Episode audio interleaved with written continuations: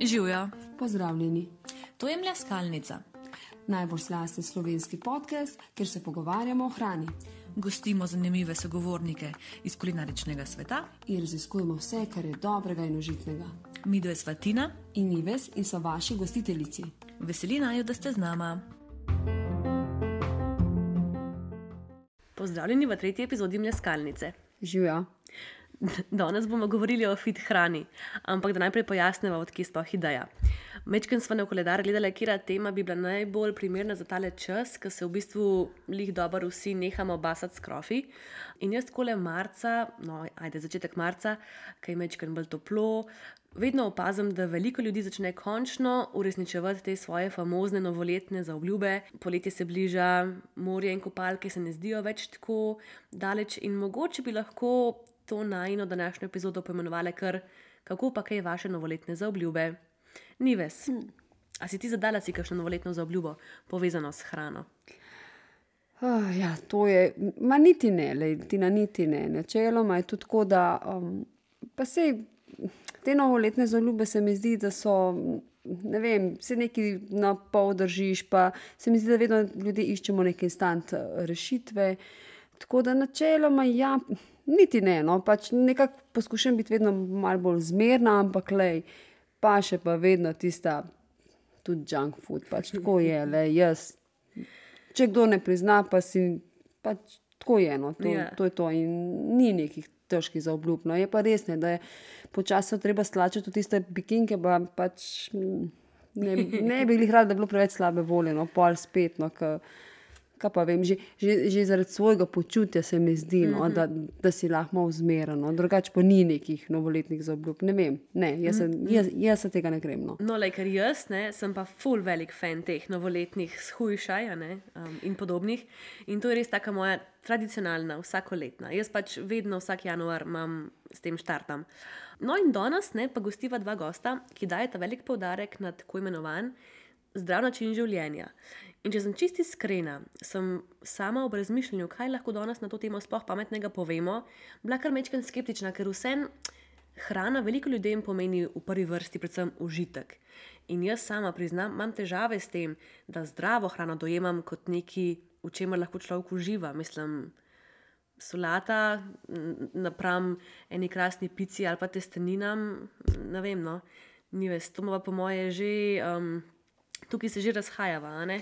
Uh, ja, res je. Um, pa se leti na vse ni tako težko. No. Ne vem, se mi zdi, da um, ta zdrav način življenja, ta lifestyle, se mi zdi, da pa lahko kar nekako furati. No. Ne, ne samo, veš, ok, novo leto je, ponovno leto pač no, novo leto no, za nove, nove ideje, nove dosežki, novi cilji. Ne, pač ti se, se mi zdi, da človek se drži pač do maja, pa pa spet dopust, pa gremo red do konca tam na tistem dopustu. Pa tako, no, ne vem. Jaz mislim, da moraš biti kar ustrajen. Vsak dan, no. vsak dan neki, pač, roko na srce, vsak dan treba nekaj narediti za dobro počutje, za dober o, način življenja. Pač, pa se vidi tudi, a veš, ti spregovor, ki pravijo, zelo se vpraša, ki je bila mladost, glede tudi tega, mislim, iz tega vidika jaz tako pol gledam, da pa na dolgi rok, pol, ali pa pol čez neki let se pa to tudi malo vidno. Ti, to je tudi mm -hmm. le ena investicija. No, v... Me zanima, kaj boste na to temo rekli najna današnja gosta. Ampak še preden vam, um, vam, vam jih pa predstaviva, bi pa še enkrat vas rade povabile, da se na nove epizode naročite v aplikaciji, preko kjer naj trenutno poslušate. Pa ne pozabite na ocene, ker to je res super način, da za mleskalnico izveše več ljudi. In, in tako ne, um, vsakmu ustvarjalcu je fino, če, če veš, da te nekdo posluša, da ne govoriš sam sebi. Ne? Tako, pa ne bo to kritika ali pa kaj ja, tudi konstruktivne. Beseda, tako, tudi konstruktivne kritike smo vedno veseli. Tako, ja. um, da, ja. no, vesela sem, da smo v bistvu danes dobili dva za ceno enega. Ker v prvi vrsti sem na pogovor povabila samo Majo, ampak je sama hitro rekla, da lahko pride še Marijo, on je le strokovno podkovan, tako da lepo pozdravljena v Jaskalnici. Živijo, Maja in Marijo, lepo pozdravljena. Živijo. Živijo, živijo. um, no, najprej, da predstaviva, s kom danes sploh govoriva, čeprav ni dvoma, da vaju marsikateri od najnih poslušalcev prav dobro pozna. Maja sebe na svoji spletni strani opiše kot osebo, ki ustvarja zdrave in fit recepte. Mi dve smo se drugače spoznali cirka dve leti nazaj v enem delimanovem projektu, kjer smo se izbrani fudi mečkan uh, družili in poglabljali svoje znanje. In že takrat sem jaz za Majo slutila, da, da je pa to res en tak človek s tako dobro vizijo, kaj bi ljudem rada sporočila preko svojega, svojega Instagrama in da ji bo to tudi slejko prej uspelo. In res, ne? zdaj v tem času si nabrala na Instagramu kar konkretnih, ne, več kot 10 tisoč sledilcev, organizirala več kulinaričnih delavnic, decembra ponudila tudi svoj krasen um, fit koledar. Kapo dol, predvsem pa vsakodnevno kažeš, kako lahko ne, človek pripravi čisto enostavne in fit obroke, ki so okusni in za naše telo tudi blagodejni. Zdaj pa prepuščam besedo ti na meni in danes še jaz pozdravljam ustanovitelja v bistvu podjetja Feel Good, to je Marijo, sem zelo vesela ustanovitelj podjetja Feel Good, s katerim utiraš nove smernice, zdravemu odnosu do lastnega telesa in učiš o pomenu primerne vadbe ter prehrane za posameznika in njegov specifičen cilj. Si trener in uh, nutricionist ter strokovni vodja modula za prehrano v Fitness Zveza Slovenije. Uh, napisal si ogromno enih člankov uh, v praktično vseh večjih slovenskih medijih in predaval v nešteto uh, podjetij. Če potegnemo črto, si človek, ki res veliko ve in tudi ve, kako se stvarem streže. Predvsem pa veliko krat nastaviš ogledalo in res pripraviš človeka do tega, da začne razmišljati in ne samo slepo slediti določenim prepričanjem. Tako da še enkrat oba lepo pozdravljena. Hvala, kak, kak lepo vod. Ja, tudi, tudi jaz se zahvaljujem za te lepe besede. Ja, no, Mora priznati, da ima le mečkan treme, no? tako da brez zamere. Pred kom, pred Majo ali pred Majo? Pred obema, veš, mi ja, Vse bo, vse bo. Okay. Ne, ne bo vajo nadzorovala, kaj zdaj je to. ja, okay, no, pa pojmo. Maja, čisto za začetek, kdaj si ti sploh začela s takim načinom življenja, kot ga kažeš vsakodnevno na svojem Instagramu in v bistvu zakaj? A, mi smo odnegdaj doma jedli zdravo, zajtrk je pojedel vsak sam, sabo sem si pa vedno odnesla od doma pripravljeno malico. Mama je vsak dan po službi skuhala kosilo, ki je vključevalo vsa makrohranila: meso, ribe, krompir, riž in vedno veliko skledo solate. A, tudi obe omi, naprimer, kuhata podobno a, in te kuharske dobre navade sem dobila doma v svojem družinskem okolju. Tudi kot študentki mi nikoli v bistvu niso ustrezali mastni obroki iz mens, ta hrana ni bila nikoli ne moja navada, niti razvada, zato nisem imela potrebe po tem, da bi jo iskala. A, vedno sem veliko kuhala sama, kot PR-ovka v zdravstvu pa sem opazila, da nam na nacionalni ravni primankuje znanja o tem, kaj sploh zdrava hrana je. A, se mi zdi, da je to zdravo v narekovajih, če lahko tako rečem, a, si vsak razlaga sam zase. Že kot otrokom nam šolski sistem, naprimer, a, ne daje potrebnega znanja o tem, kaj je tisto, kar je zdravo. To, da nekdo je tradicionalno kuhinjo, kot radi rečemo, ne pomeni, da je v tem trenutku to za njega optimalno. V času, ko so bili mladi moji stari starši, je bila tradicionalna kuhinja taka, da je ustrezala takratnemu načinu življenja. V tistih časih so ljudje delali na poljih, bili aktivni. Moja mama je, na primer, v šolo hodila peš tudi po 10 km in to vsak dan znova in danes preživimo polovico dneva v sedečem, mirujočem položaju. Torej, um, če se je spremenil naš vsakdanjik, se mora z njim spremeniti tudi naša prehrana. In potem, seveda, ko sem spoznala Marija, ki se je s prehrano uh, ukvarjal in se vedno, še vedno ukvarja, seveda, iz tega znanstvenega vidika, me je pritegnil s svojim znanjem in seveda sem vedno marljivo poslušala, kaj mi pripoveduje. Uh, potem sem ga za prvi njegov obisk presenetila z mojo torto, pri kateri sem poskušala upoštevati tisto, kar me je naučil. A, tako mi je vedno, vedno rada poklanjam darila z neko zgodbo in pač to sem želela podariti tudi njemu. In tako se je v bistvu zares moja zgodba s pripravo fit receptov začela. Hotela sem ne, v toku um, te zgodbe ljudem pokazati, da se da, če si polno zaseden, imaš naporno in stresno službo in tudi če je tvoj delovnik kdaj pa kdaj daljši od tistih osmih ur, zraven imaš pa še vse hobije in družino in otroke in tako dalje, ki jih pač ne moreš izpustiti. Skratka, želela pokazati uh, v bistvu, da se da. Odlično. Ja, No, in, je. in to res z veseljem spremljamo. Se pa jaz večkrat vprašam, odkje ti sploh inspiracija za te predelave receptov, iz kje jemliš ta svoj navdih? A, najpogosteje dobim idejo na tak način, da moram določeno sestavino, ki jo imamo naprimer v hladilniku, uporabiti. In moj razmislek gre vedno v smeri, koliko beljakovin moram dodati in katere bi se k tej a, sestavini podale, in potem kakšni ogljikovi hidrati, in tudi koliko maščob bom tej sestavini dodala, da bom dobila nek optimalen obrok. Recimo, zdaj me v hladilniku čaka glava kislega zelja, ki mi jo je dala moja oma, in sem se odločila, da bom naredila veganske sarme. Beljakovine bom recimo dodala v obliki tofuja, ki ga bom začinila šampinjoni, to bo pač masa za sarme. A, za prilogo bom pa potem v obliki ogljikovih hidratov recimo dala pire krompir. A, sladice, ki so v bistvu tudi večji del mojega um, profila na Instagramu, a, oblikujem na isti način. Najprej razmislim, kako bom dodala, dodala beljakovine in predvsem v sladice manj maščob, a ne, kot jih imajo klasične. Dobro se sliši, ne Tina. Uh -huh.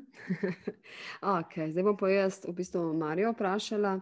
Uh, povej mi, a se moramo sladkemu izogniti, da bi bili zdravi oziroma fit pred poletjem? Kako je s tem? Jaz razmišljam zdaj o teh majhnih sarmah, tako da nisem. ne, hitam Ja. se malo sada. Uh, jaz, eh, jaz, jaz res upam, da se ne rabimo odreči sladkemu, zato ker to bi, to bi bil po moje kaos na svetovni ravni, ker glede na to, da veliko ljudi ima rad, ima- imajo radi sladek okus, bi bilo to zelo slabo. Ne?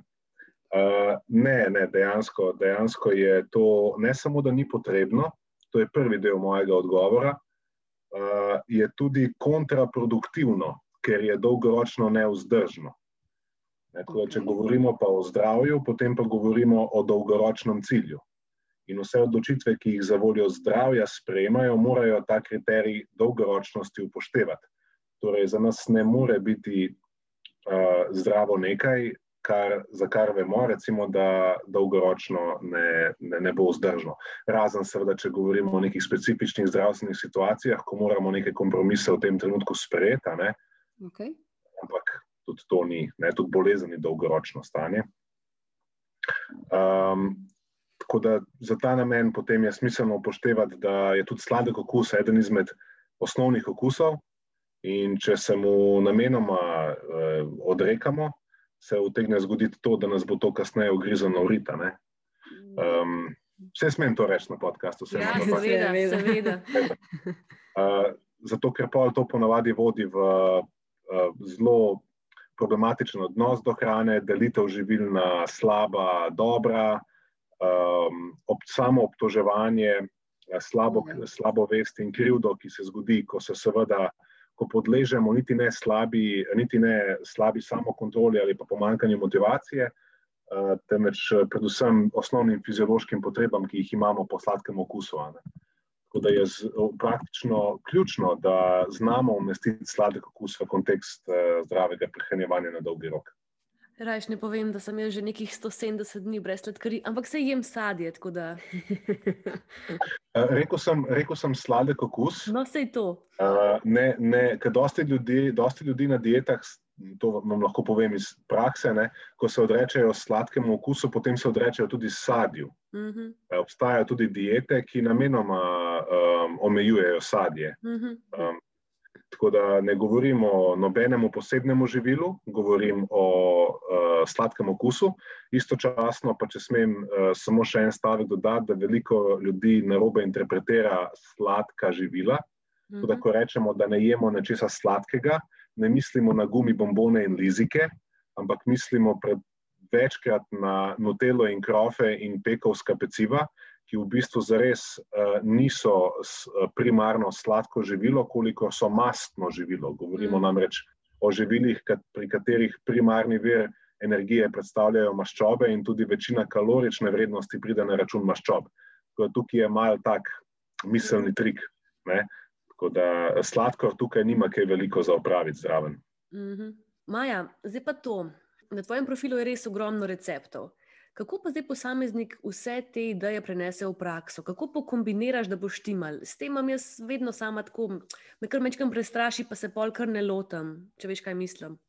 Uh, tako, jaz tudi to sem malo razmišljala no, o tem, uh, da da je nek prava mera v bistvu na krožniku, ni, da ni enega preveč, uh -huh. enega premalo, pa, pa da si kar neki na flotskamo gor in potem imamo predvsem težave, ne rečemo prebavne bi temu rekel. Pač, se mi zdi, da pol po obroku tudi to pomeni, da se ti v redu počutiš, ne da si vse tako utrujen, brez energije. Pa, uh mhm. -huh. ja, veš, tvoj, na tvojem profilu, ko greš, ko vidiš tiste recepte, so tudi tako mamljivi za oči in potem že ti, wow, le to pa pol dobro. Pa, tudi se mi zdi, da je res tako skrbno skombiniran skupno. Uh -huh. Verjetno ti tukaj tudi Marijo dosti pomaga. Ja, pa, da, ja. Kako pa res ne se lotiš tako kot, kot nek čist lajk, ki se pač ne, z vsemi temi recepti um, srečaš, kako pa vse to štima, narediš, da štima. Ja, v bistvu um, je tukaj imel res zelo veliko vlogo Marijo, zaradi tega, ker me je naučil, kaj to so sploh beljakovine, hm. kaj to so oglikovi hidrati in kaj so maščobe. Ljudje v praksi ugotavljam, da mislijo, da vedo, pa v bistvu zares ne vedo. Ne? Um, in točno to je bil namen v bistvu moje zgodbe na Instagramu. Kot PR-ovka, recimo, tudi opažam, da ljudem v praksi nasploh primankuje idej, in potem torej tudi v kuhinji. Um, v vsaki službi so me do zdaj klicali naša kreativka in vedno sem imela um, en kup idej. In v praksi se nekatere stvari. Se nekaterih stvari zavedamo, ko pa pač pride do same izvedbe, izvedbe ponavadi stvar ni več tako preprosta in banalna. Um, bi pa rekla, da je v prvi vrsti najbolj pomembno zavedanje, kako pomembno je jesti uh, primerno. Če tega ni, najbrž potem tudi ni nadaljnega koraka. In idejo za jed lahko ponudim jaz in poskrbim za to, da jaz razmislim o tem, kako se staviti krožnik, da, da ima pač dovolj beljakovin, oglikovih hidratov in maščob, kot sem že prej povedala. Um, na ostalih pa je, da si to pravijo. Torej, to terja tudi čas, motivacijo in predvsem, kot meni vedno pravi Marijo, doslednost. V redu. Uh, Marijo, povej mi, kaj so največje napake, ki jih ljudje delajo? Uh, zakaj jim ta sprememba ne uspe in je na koncu vse skupaj le še propadla dieta? Pač ni to to, na kar so si oni zastavili. Ki bo mogoče z odgovorom presenetil, ampak bom to storil z namenom. Uh, ena je ta napaka, bistvena napaka. Um, in to je, da nimajo pojma, zakaj bi to radi naredili. Prehrano se v današnji družbi dojema kot zelo površen cilj in kot sredstvo za nek, za nek cilj. Naj si bo to, uh, hočem zgledati bolj seksi v kopalkah, moti me malo tukaj nekaj, kar se nabira.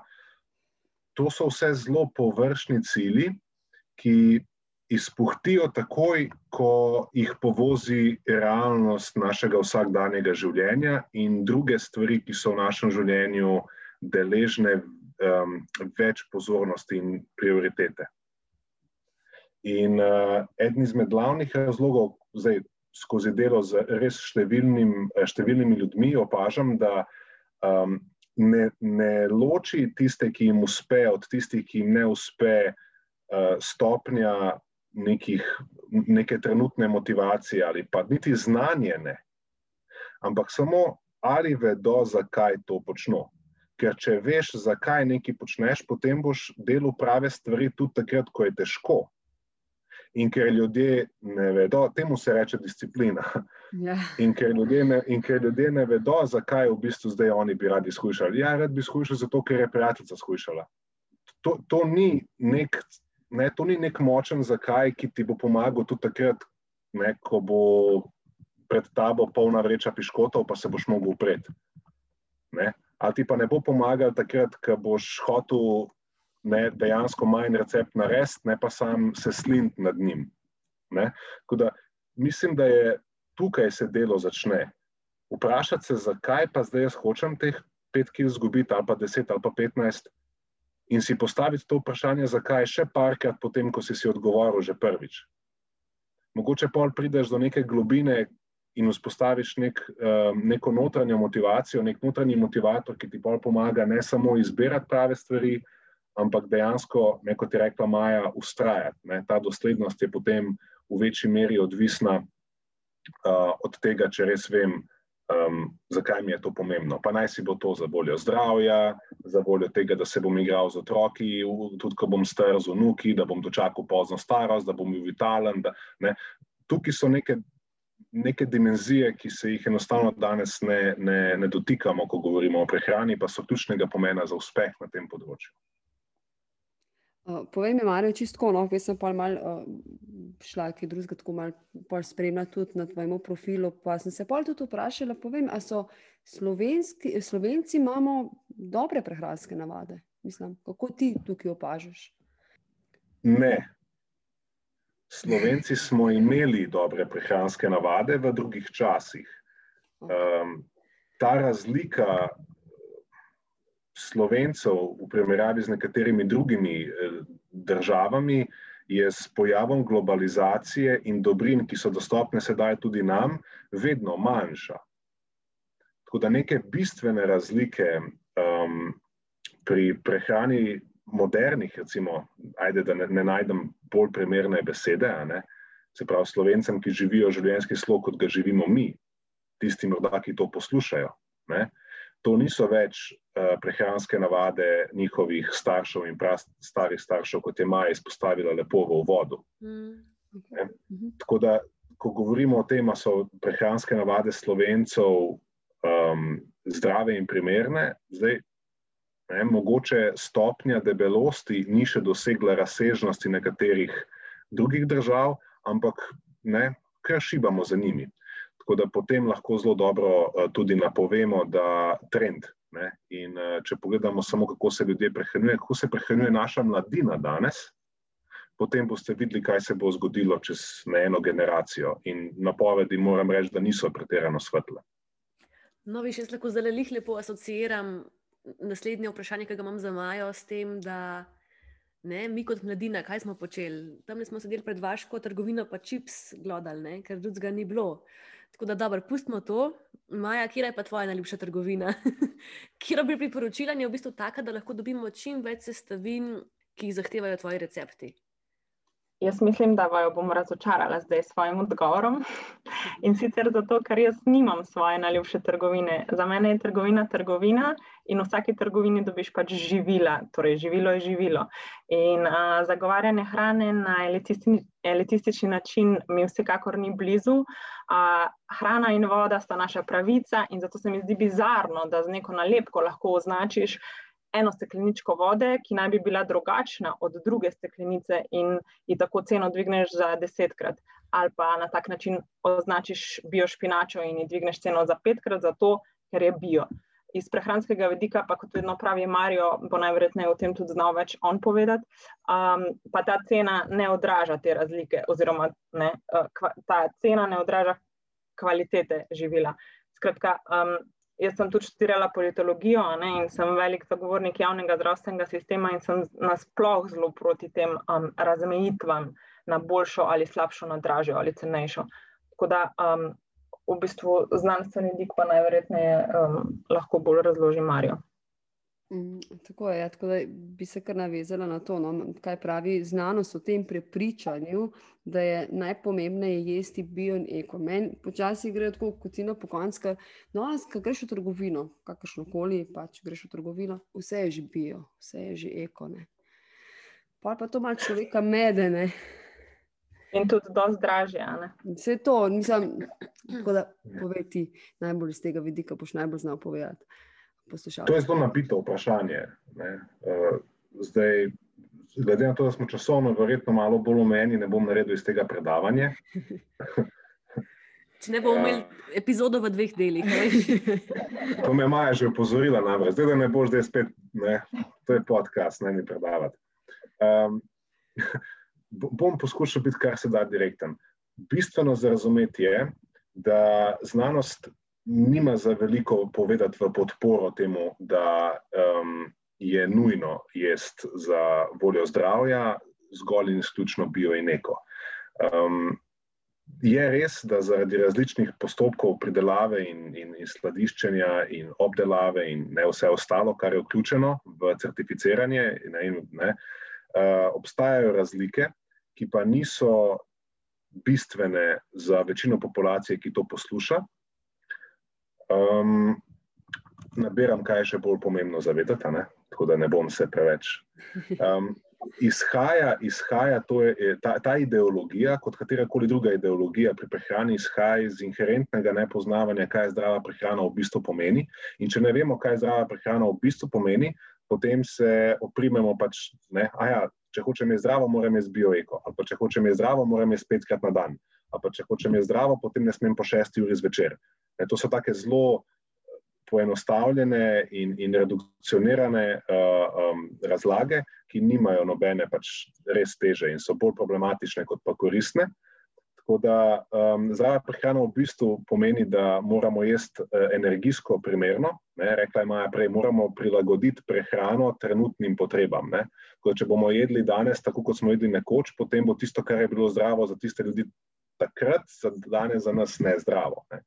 In obratno, če hočemo mi danes s tem, kar jemo mi, ko sedimo, nahraniti nekega vrhunskega športnika, ki preko lesari 500 km ne, uh, na teden, bo, bo, bo to hudo premalo za njim in bo nezdravo.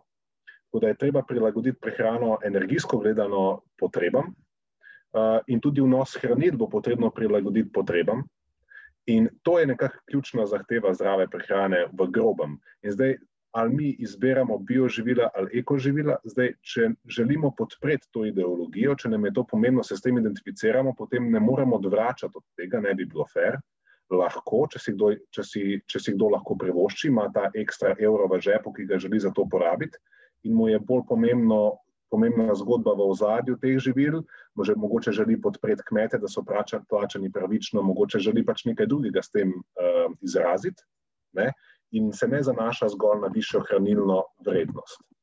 In znanost, kar pravi, je, da te bistveno više hranilne vrednosti ni. Ne, če govorimo pač o nekem jabolku, a ne bo imelo jabolko to, kar pritiče jabolku, tako če je konvencionalno ali pa če je predelano biološko. Je pa pač res in zdravo razumsko, da če imamo možnost izbrati jabolko od lokalnega kmeta, potem ne, da imamo to storiti. Tako da bi prej kot bioeko izpostavil potem neko lokalno orientacijo kot uh, bolj primerno za večino ljudi, tudi bolj smiselno. Um, tako da to je nekaj, kar je v grobem ne, najbolj pomembno razumeti. Ne. Eh, tisti, mogoče samo še apel na pesticide in ostale stvari, ki se ne javijo, škropiva, pesticidi, to je nekaj, kar nas bo ne pokončalo in zato izbiramo bioeko, da se temu izognemo. Spet ne, na osnovi znanstvene literature ne moremo trditi, da je uh, uporaba to vrstnih um, sredstev, um, kakorkoli izven kontrole, ker znotraj evropske regulative je to vse pod tesnim nadzorom. Ne?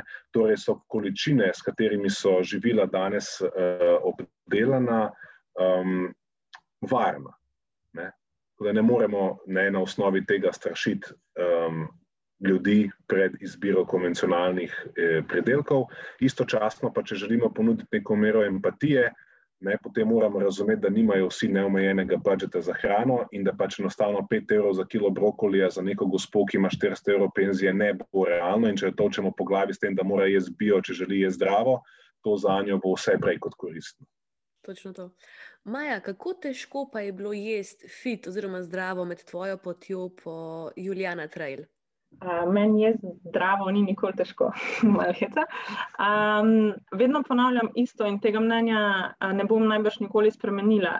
Če ti je nekaj zares pomembno, vedno najdeš prostor in čas, da to tudi izpelješ v praksi. Uh, meni je hrana pomembna, ker sem v, tre, v teh treh letih, odkar se prehranjujem tako, kot mi je na začetku svetoval Marijo, ko sem ga to prosila, videla, da je v bistvu hrana najpomembnejši faktor mojega zdravja. Ko sem v prehrani, najprej včasih sem mislila, da je to šport, pa sem neskončno dolgo tekla in tako. Um, pa v bistvu temu ni bilo tako, ko sem v prehrano naprimer, dodala pravo količino beljakovin, sem ugotovila, kolikšno, um, in ko sem ugotovila, kolikšno količino oglikovih hidratov in maščob še poleg beljakovin potrebujem se je s tem uh, skladno začelo spremenjati tudi moje zdravje. In v teh letih uh, nisem bila nikoli bolna, moj imunski sistem se je na račun beljakovin neverjetno izboljšal, um, ker kot me je naučil Marijo, so beljakovine gradnik našega imunskega sistema. Uh, in uh, zato se mi je zdelo pomembno, da se, da se tako tudi pripravim na to mojo pot. Vsak dan v povprečju 20 km s težkim nahrbtnikom, ob zaprtih trgovinah, takoj po prvem valu epidemije, um, je pot organizacijsko vsekakor zahtevala nekaj razmišljanja. Ampak, ko se nečesa naučiš in to dobro utrdiš, ti to preide v navado. In tako je bilo tudi z mojo izbiro prehrane. Zato za me dan na Julijani ni bil čist v bistvu nič drugačen kot dan doma. Um, jaz sem si na, na vsako postojanko v bistvu že vnaprej poslala neke stvari, ki sem vedela, da jih bom potrebovala, zaradi tega, ker so bile pač trgovine zaprte, uh, vsaj del poti. In uh, tudi niso bile na vsakem koraku, kot smo tega navajeni v mestu, zato je bila ta organizacija v bistvu toliko bolj pomembna. Uh, se mi zdi pa tudi pomembno, kar sem že tudi prej povedala, um, da sem jaz v bistvu tega znanja bila zelo željna. Uh, in Marja sem vse čas spraševala, da je povej mi, um, kako je s tem, kaj pa to, zakaj je to potrebno. In se tu najverjetneje razlikujem od tistih, ki jih morda ta segment prehrane ne, ne zanima ali pa se jim ne zdi pomemben za njihovo kakovost življenja. Kako pa je pomembno jesti na taki poti, Marijo? Vem, to je kar, kaj je to? To je v bistvu Juliana Trelj je 280 km, ne, če se prav ne motim. Tako da to je kar en napor in moraš biti pripravljena na, na to stvar. Strokovno stališče je, ja. da prazna vreča ne stoji po koncu. In uh, hec, ne. če je Maja začela s hecom, pa lahko tudi jaz, ne, ni tako. okay. um, ne, zdaj pa z vso resnostjo, veliko ljudi lahko prehodi to. Ne ko postavimo nek willpower, ne, ko postavimo nek mind over body, ko nekako se prepričamo, da ne, telo, telo je naše telo, je preživetveni stroj. Vprašanje je samo, kakšne bodo posledice in kakšna bo izkušnja. Ne, in s tem, kar je naredila Maja, uh, kar smo naredili takrat z, z njeno prehrano na taki poti, je bilo meni res uh, super jo spremljati. Ja, bilo je naporno. Ne. Samo ona je po poti uživala, ne, ni zbolela po poti. In tudi, ko je prišla nazaj, je nadaljevala, je nadaljevala z vsemi obveznostmi in službo, brez tega, da bi rabila pol na, za en teden ali pa dva na bolniško. Tako da tukaj je ta deal breaker, tukaj je ta razlika. Um, lahko v nekem določenem segmentu ti tudi brez prilagojene prehrane neko oviro premagaš. Vprašanje je pač, kako bo to telo potem skompenziralo v perspektivi. In če se že lotevamo nekih takih podvigov, ki so um, nadpovprečni, potem taki podvigi zahtevajo tudi nadpovprečno prehrano. Ne? Včasih rečem, pa za nadpovprečni cilji zahtevajo nadpovprečno prehrano. In če pač sklenemo, da, na neki, ne, da bomo kjerkoli druge, tudi če govorimo o izobraževanju, če pač imaš nadpovprečen cilj, potem boš mogel tudi dati nadpovprečen uložek z vidika učenja. In, in, in v, v tem smislu je Maja. Um, res poskrbela za, za praktično vsak dan, da je imela eh, osnove pokrite, vmes pa se slišala, se pravi, ni bilo nepomembno. In ravno zato je se izkazalo tako, kot se je, da je pot ne samo prehodila v izjemnem času, tudi nekaj 50 km je bilo etap vmesane. Pa je naslednji dan še vedno ostala, pa še lahko dalje. Ja, imela je muskel fiber, logično, ne, ampak ni se, ni se ustavila, ni je telo ustavilo na, na, na pol poti. In to bi rad posvaril, recimo, tiste, ki se. Uh, ko, sem maja, ko sem nekaterim strankam uh, omenil, če so se maja loteva, ne so rekli tako včasih tako vehementno, čisto nonšalantno. Ja, se jaz bi pa tudi šla malo tako hoditi. Ne, sam hodiš malo, ne samo ja. ja. ne, to, ja. pa, to so isti ljudje, ki si, si vzamejo dve pauze, ko grejo en krog okoli Bajera. Se pravi, ta neka zelo, uh, zelo, zelo um, fascinantna mera nekritičnosti in slabe, slabe ocene svojih sposobnosti je včasih res um, wow. Tako da, tako da dosti krat gre res za zanemarjanje pomena tako neke primerne fizične pripravljenosti, kot pa tudi um, skrbi, skrbi za primerno prehrano, da ne bom predolg. Maja, kako pa izgleda tvoj tipičen dan? Kaj ješ v enem dnevu? V bistvu je kar najn, kar si hrano pripravljamo skupaj. Tako da um, vsak najn obrok, ne glede na to, v katerem delu dneva se pojavi, zajema beljakovine, ugljikove hidrate, maščobe in zelenjavo, oziroma vsaj vsak drug in zelenjavo in sadje. Um, sadje so ugljikovi hidrati, si me naučil, tako da sem že prepovedal ugljikove hidrate. Se upravičujem za. Um, ponavadi zajtrk začneva s kruhom, jajci, oziroma nekimi dodatnimi beljaki še zraven um, in zelenjavno juho, uh, ki jo pridno pripravi včasih tudi uh, Marjava mama, tako da nama olajša delo. Uh, za kosilo jeva nekako v večini dni doma pripravljeno kosilo, spet zelenjava, beljakovine, ugljikovi hidrati. Um, zelenjavo si pripravljiva brez nekih odvečnih maščob, kot so jih sicer ljudje v povprečju vajeni. Um, in vedno pri vsakem obroku je pravilo dovolj beljakovin. Um, Za večerjo največkrat je grški jogurt z manj maščobe, oslajen, tako da dobiva nek sladek okus s sadjem, oreščki po vrhu ali pa kako od uh, najnih toplih uh, fitkaš. Uh mhm, -huh, ki jih najdemo tudi na tvojem Instagramu. A drugače si vse jedka. A je kakšno živilo ali pa hrana, ki se jo res strogo izogibaš, ali pa da je ne bi nikoli, nikoli, nikoli pojedla? Jaz jem vse, kar je pripravljeno z ljubeznijo.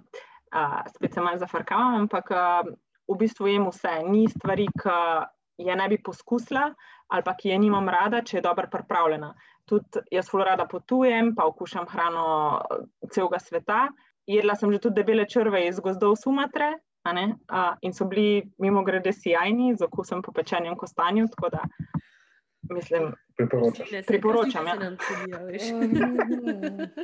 Pomalo v petkih. Nima v petkih, ampak ja, so pa krasni, drugače. Super izkušnja. Uh, skratka, uh, hrano jaz zares obožujem, sploh če je pripravljena na fit način. Torej, ne, kot sem že večkrat uh, poudarila, da vsebuje pravo razmerje makrohranil. Um, Marijo, kako se lotiti spremembe oziroma zdravega načina življenja, pa da nimamo občutka, da smo na dieti, v bistvu da se skozi nekaj odrekamo? No? Ta občutek bomo imeli vedno, če se bomo lotili sprememb, ki ne izhajajo iz nas, ampak iz nekega zunanjega vira informacij. Se pravi, če se lotimo neke spremembe pri prehrani, zato ker je nek, ne vem, nek influencer nekje zapisal, da pač je krompir za noč, pa redi, pa ga ne smemo jesti ali pa če, ne, če bomo sešli neke diete, ki uh, odreka ali pa iz, izključuje neko skupino živil, ki je nam v bistvu ljuba, uh, ali nam je všeč po okusu, ali na njo vežemo spomine iz otroštva, ali se ob njej enostavno počutimo. Mm, In če damo to stran, zato ker je nekdo nekje rekel, da je treba, potem bomo imeli težav na dolgi rok. Ne? Absolutno. Tako da bomo imeli vedno občutek, da smo na dieti, ker se odrekamo stvarem. Rešitev tukaj je, da oblikujemo dieto na način, da upoštevamo, kaj nam je všeč, kje živila so pa nam dejansko všeč. In da jih znamo tudi potem redno vključevati v uh, prehrano. To, kar je Maja prej naštela, ta najn um, na nek način jedilnik, čist navaden dan, je kakorkoli suhoparno, pa čudno je komu zvenel upošteva ravno to. Ne. Obama va rada sladko, si narediva sladko na tak način, da je v bistvu po energijski vrednosti in hranilni vrednosti precej spodoben. Um, Obama va rada take včasih nenavadne okuse, tudi živila, kot, mislim, tudi hrano, kot so hamburgerji, pice in vse, kar imajo ostali ljudje radi. Zdaj, če vi hočete meni predstaviti nek način prehrane, kjer jaz ne bom smel jesti mafinov, burgerjev, pa pice, lej, sorry, ne, to ni dieta z mojim imenom gor. In tukaj bomo imeli pa vedno težavo, ker ljudje identificirajo taka živila za nezdravo prehrano, kar pa ni upravičljivo po nobenem kriteriju, še najmanj strokovnem. Zato ponovadi pri delu strankam izhajamo iz tega, okay, kaj bi rad dosegel, ne, in vedno vprašam, kaj pa ti zdaj ješ. In zdi se mi, da je eden ključnih načinov, ki lahko pripomore k uh, izboljšanju odnosa do, do hrane, uh, ta, da izhajamo iz navad in okusov, ki jih ima človek rad, in mu ta prilagodimo na način, da bo bolj skladen z njegovimi cilji. In ne obratno. Večina nutricionistov, in trenerjev in coachov naredi to, da ti prideš k njemu in ti da dieto. Napiše ti on, kaj ti moš. Namesto da bi te vprašal, kaj ti že zdaj počneš, in ti potem to znamo primerno prilagoditi. To pa zahteva malo večjo stopnjo znanja, razumevanja in ne vem, mogoče še česa drugega, da bi bilo to na koncu uspešno, um, še posebej na dolgi rok, ko govorimo o vzdrževanju doseženega rezultata. Maja, a pa imaš občutek, da ljudje zdaj, torej ne, poletje se bliža, da več iščejo fit recepte? A opažaš, da se več dogaja na tvojem profilu, pa na tem, kako se ljudje odzivajo? V bistvu niti ne. Uh, kot sem že prej povedala, mislim, da je ključno to, kaj ljudje razumejo, da je tisto zdravo, kaj je tisto fit. Ne? Nekateri mislijo, da je zdravo samo in le vegansko, nekateri mislijo, da je pravi način le keto način, drugi imajo spet svoje teorije o zdravju ali pa o zdravi prehrani. In uh, danes smo neprestano bombardirani z informacijami z vseh strani, in te so seveda lahko prave, veliko pa jih ni. In ker nimamo znanja, kot sem že prepovedala, ne vemo, ali je prehrana v resnici podkrepljena z znanostjo in da je tu resnica pogosto le ena. Um, zato bi bilo, po mojem mnenju, res tako zelo ključno v šolah začeti s pravim znanjem. Um, kar se pa tiče mojega profila, ni omejen na letni čas ali pa ljudje, kot, ne, kot rečeno, um, ne sprašujejo po fit receptih le januarja ali pa februarja, ampak um, v bistvu sledilci lahko skozi vse leto pri meni najdejo optimalne in fitobroke in tako se tudi pogovarjamo in tako se tudi obnašajo. Skratka, um, prehrana je za me prvo zdravje, šele potem izgled in tako dalje. Um, in to mislim, da sledilci tudi opazijo in zato ne sprašujejo po fit receptih le v nekem določenem obdobju. Uh, Marijo, povej mi, je novoletna zaobljuba dovolj, da človek spremeni svoj življenjski slog? Ne vem, po novem letu se odloči, ok, zdaj pa je zdravo živel, spisek jedi na list in to je to. Vse odgovor zdaj že veva na podlagi vsega, kar si do, do zdaj povedal, ampak tako. Kaj da, ti da, meniš? da poudarimo. Ja. Da je še en drug zorni kot. Tako. Uh, lahko, lahko. lahko. Um, ne, ni dovolj, lahko je pa dober začetek. Uh, v zadnjem obdobju opažam uh, en zanimiv, zanimivo spremembo trenda. Pred leti, ko sem bil še malo mlajši, so bile nove, nove letne zaobljube zelo in. Tako, če nisi imel, si bil loser. Danes je obratno, če imaš novoletno zaobljubo, si loser. Ne, danes so novoletne zaobljube tako, kaj, a ti tudi tako, to je pa tok paseno. Vse noben ima več novoletnih zaobljub. Uh, jaz ne bi po domače disal, no, tako, um, oziroma ne bi svaril pred uh, čemkoli, kar lahko pomaga posamezniku spraviti ga na neko boljšo pot. Zdaj, če je novoletna zaobljuba nek zunanji motivator, ki ga lahko pripravi do tega, da si skuha nekaj bolj pametnega, da ne vem, v končni fazi poišče pomoč, zakaj je to slaba stvar? Bi se pa na tej točki potem vrnil nazaj na tisti del mojega odgovora o tem, zakaj mnogim ne uspe. Zato, ker je novoletna zaobljuba površna zaobljuba. Ne? In če je površna, pol bo enaka kot vsaka ostala, ne? kadarkoli v, v letu. Tako da, ja, podkrepiti jo je treba z nečim um, bolj oprijemljivim in dejansko narediti uh, narediti potem nek dober plan. In, in um, tukaj mislim, da je potem največ težav, zato ker veliko ljudi tega ne stori in je pač novoletna zaobljuba neka fora. No, pa če smo se že tako šalili prej v vajnih odgovorih, eno malo bolj šaljivo vprašanje.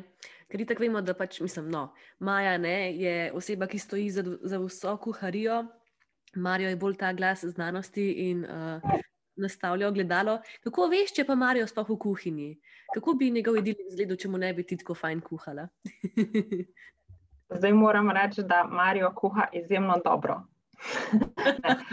prav, prav, Kaj ne? prav, prav za res, Marijo kuha odlično, a, izjemno dobro. In kar je mene zelo fasciniralo v njegovi kuhi, je to, da uporablja izjemno veliko začimb in tudi navaden kuhan krompir in meso v bistvu postaneta za res super obrok.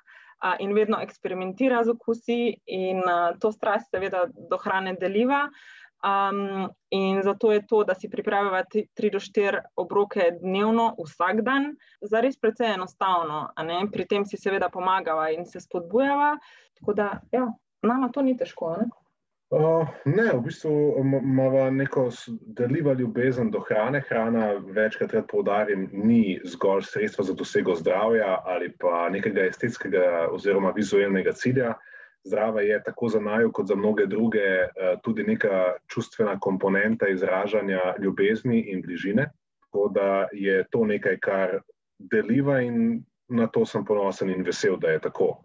Se pravi, za neko majhno pozornost v kuhinji, ima rada, kaj skuha, potem reče: Lej, Hani, kaj sem naredila, jaz kdaj pripravljam kaj posebej za njo. Se pravi, to je nek na tak način se znava, recimo, tako rekoč pogovarjati. Tako da um, verjamem, da je to mogoče redkost um, in mnogi, recimo, nimajo te, uh, tega v svojem življenju, pa vendarle, kar pa imajo je pa verjetno nek čustven odnos uh, s hrano. Ne? Se pravi, marsikdo se s prehrano tudi kdaj to laži, išče uteho, se veseli.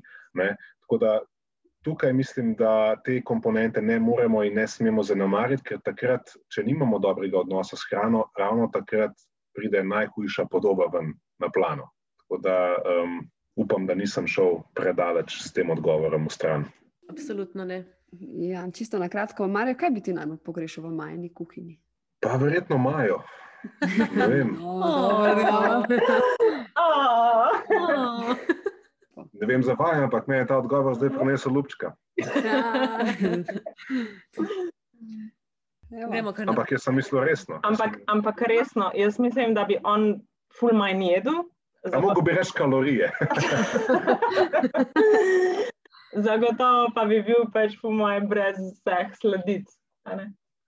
Ne? Ali pa bi bile te bolj tako zelo Bolj neposredne. poredko. Ja. Ja, vse na kaša pa proteini noter.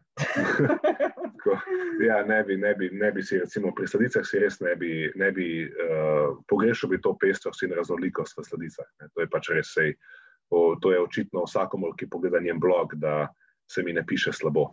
Res je. No, Maja, kakšne imaš kaj načrte za prihodnost? Lahko kakšen, kakšen naročnino na tvoje sledice ali pa kaj takega, naprimer. Ne? Zdaj se mi je utrnila ta ideja, ne se se hecam. A veš, da pravzaprav res. Glih pripravljamo novo spletno stran, tako da jaz mislim, da v roku 3-4 mesecev bi mogla biti online. Tako da ja, toč, ne bom preveč izdala še, ampak nekaj v tej smeri, kar si uh, povedala. Bo šlo? Tako Zakon. da je, Super. Odlično. bo na enem mestu več receptov in lažje se bo izbiralo med njimi in tako naprej. A smo zaključili, je to to? Imamo še ta hitrih šest za na konc? Okay. To je to. Samo Okay. nizkem štartu. No, pripravite se. Jaz začnem. Okay, ti Jaz začnem. Okay. Okay. Najljubša hrana, kar oba odgovorta. To se zmenta se, kdo bo začel. Bom jaz začela. Uh, čufti s pire krompirjem, pa beljakovinski čokoladni puding. To je bilo pa zelo specifično. Jaz sem hotel v to smeriti, ne vem, kar Maja pač naredi. Nimam nekih zdaj slab, mislim, najljubša. Dajte vi, dej, a veste kaj, bom jaz vas vprašal, pejte na njen Instagram profil, pa izberite najljubšo od onih tam. Zdaj te razumela. Sploh, ker najbrž ne Ja. dobiš velikrat, mislim, sklepam, tako je tudi Urška uh, v prejšnji epizodi rekla, da pač skozi je ok, novega, ne? a veš, ker ne, treba je nove recepte izumljati in sploh nimajo časa njeni družinski ja. člani eno stvar si izbrati. Ja. ker To je v bistvu res, tudi mi dva čufteva, po mojem, enkrat na pol leta, ker Ja. pač ni časa, da Sva bi mislim, jedla da s- s- pogosteje. Sva pa mislim, da oba z Maja tako zelo fena te neke, um, ne znam najti prave besede, dajte mi boste vi povedali. A veste ono piščanc, krompir, solata, ona klasika, tako on pečen piščanc, a pa nek uh, pa pečen krompirček. Pač oba imamo rada take neke, um, Pa burgeri. pa burgeri, take neke zelo osno, osnovne jedi, mogoče je to nič posebenega. Nič posebnega, ampak jaz rad jem z rokami. Recimo. In ko jaz lahko dobim v roke en kos, uh, ne pa pol vzamem krom. Tako čutim hrano bolje, ko jem z rokami. To je mogoče nekaj sicer nič znanstvenega, ne? ampak čist uh, izkustveno pa je. tako, Ja, ja. meni je tudi zelo pomembno, da rad dobim na krožnik velik. A veš, da se najem. Ne, ne mal, velik. Za- Zato, a veš, zato je meni to všeč, da je ta fit hrana v bistvu, Um, ko je kalorično nizka, je pač velik, velika porcija na krožniku in to je meni tisto. Zanj sem, ja, lih zanj sem na en izraz naletela, pa eni fit, ja, neki tej influencerki oziroma instagramerki. Um, um, low carb, high volume hrana, tako.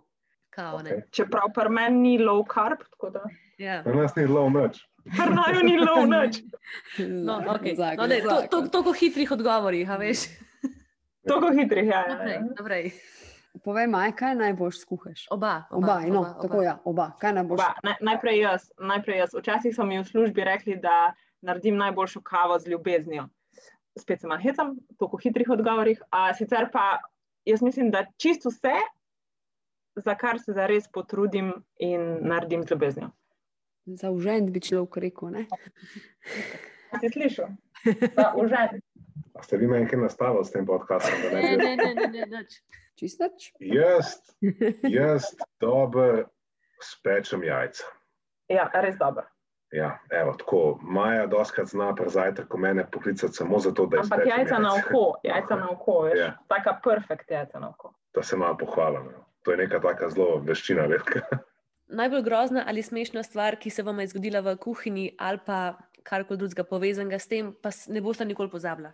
Jaz se prav ne morem spomniti, kaj je najbolj smešna ali pa najbolj grozna. Mi je pa včeraj recimo kozarc, ki sem si hotla let nasud noter v kozarc, o, ostal v roki brez dna. Tako da, evo, tako, a veš, let sem si Ja, ja, nasula, ja, ja. pa je pač No.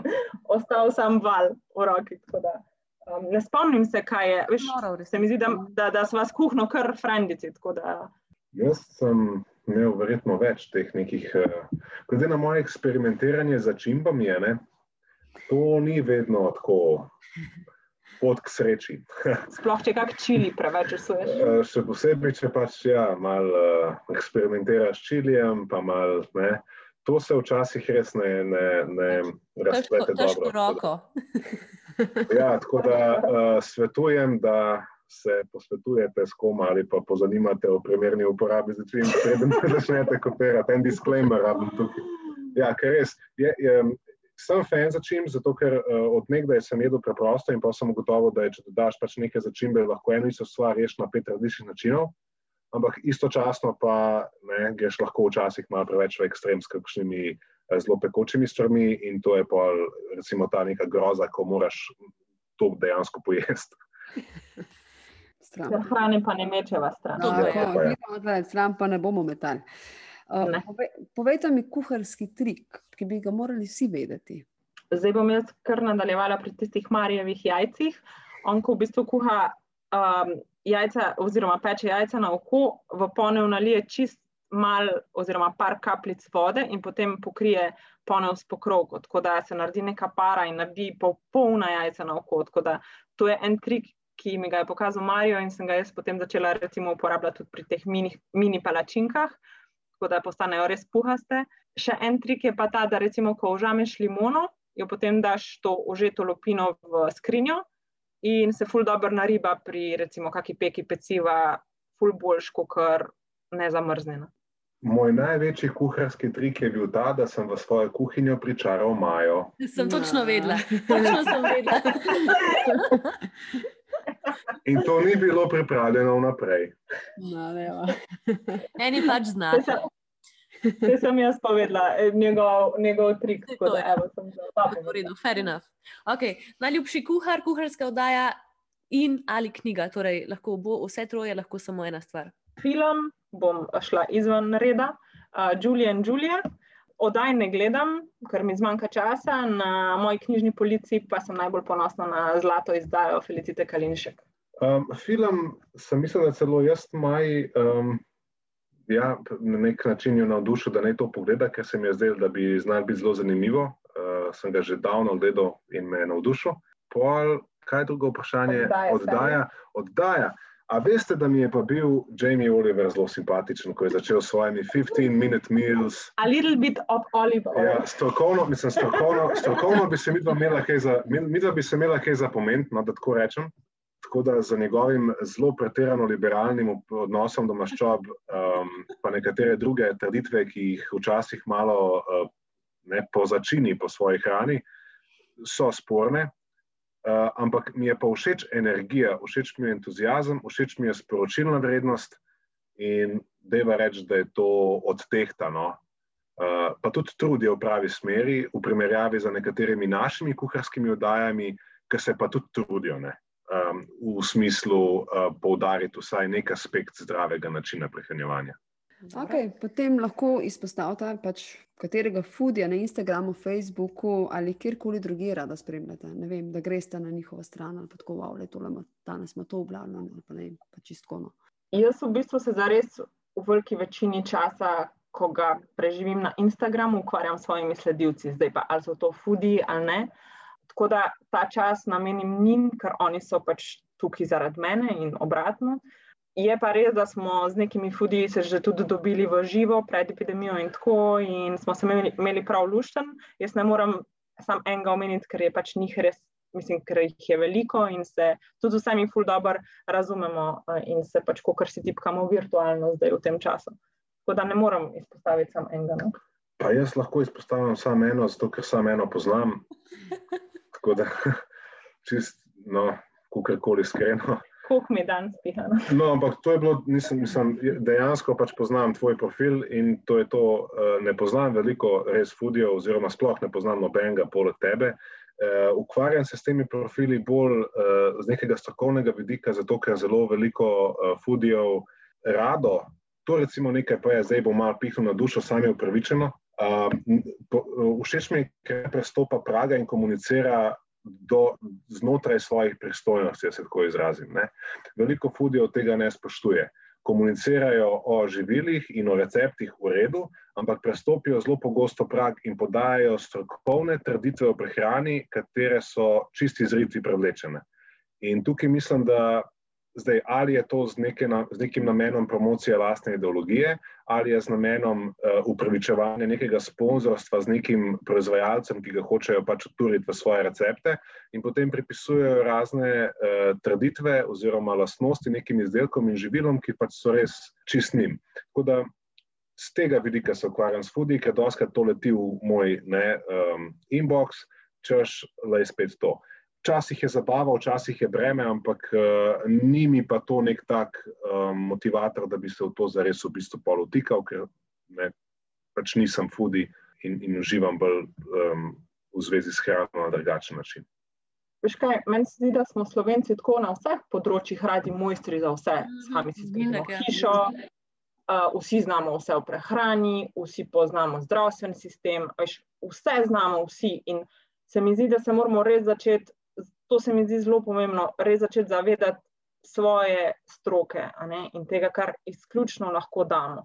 In veliko, recimo, sledilcev ali pa ljudi, um, ki me ne pozna, pa me začne šele spremljati, me vpraša, ali mi lahko napišeš jedilnik, ali lahko pri tebi dobim prehranski nasvet in podobno. In jih vedno obrnem. Pač seveda na Marija, ker je pač za mene on pač izjemen prehranski svetovalec, zaradi tega, ker prehrano komunicira na znanstven način, ne po neki ideologiji. Ne. In se mi zdi, da, da kar je v tem svetu pomembno, je res pač to, da bi se mogli omejiti sam na svoje področje oziroma na svoje znanja. Ne, bi bilo potem tudi uh, manj težav. A veš, ker prehrana je vse nekaj, kar na dolgi rok lahko, če je napačna, povzroči težave. Se mi zdi, da se tega res, res premalo zavedamo, ker nimamo tega znanja, najverjetneje. In naj, ljudje se mi zdi, da v dobri veri, da, ker, želijo pomagati, se ne želiš škoditi, ne? potem v bistvu pomagajo ravno na napačen način. E, a veš, če te prehrana naredi bolanga, je to še kar težava. Ne? Tukaj je res, po moje, uh, apel vsem, da mhm. pač se držimo svoje stroke. Ja, točno to sem hotel reči. Odličen zaključek. Uh, tudi za vse nas, da pač smo z glavo, tudi pri vseh informacijah, ki so nam na voljo, in, ja. in jih ne, jemljemo tudi zdravo, kritično. Tako, kritike in, in nekega zdravega razuma. No, smo prijadrali do konca, čeprav meni je minil tole takole v sekundi ja. in lahko bi se pogovarjala z vama še trikrat tok. Verjamem, da Hvala, mi dva tudi. Bomo našli še kakšno temo, za kdaj v prihodnje in dvaj. No, dejta. Povabva, če boste super. Uživajte. Hvala. Čau. Okay. Čau. Adijo, lep večer.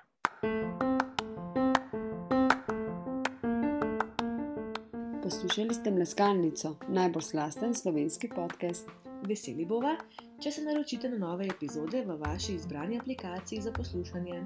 Če pa nama naklonite kakšno dobro ceno ali komentar, pa bova vzhičeni še bolj, kot če bi tudi nama vsak dan vse obroke kuhala Maja Kostanšek. Vsi kontakti in povezave, ki naj najdete na družabnih omrežjih, se nahajajo v opisu epizode.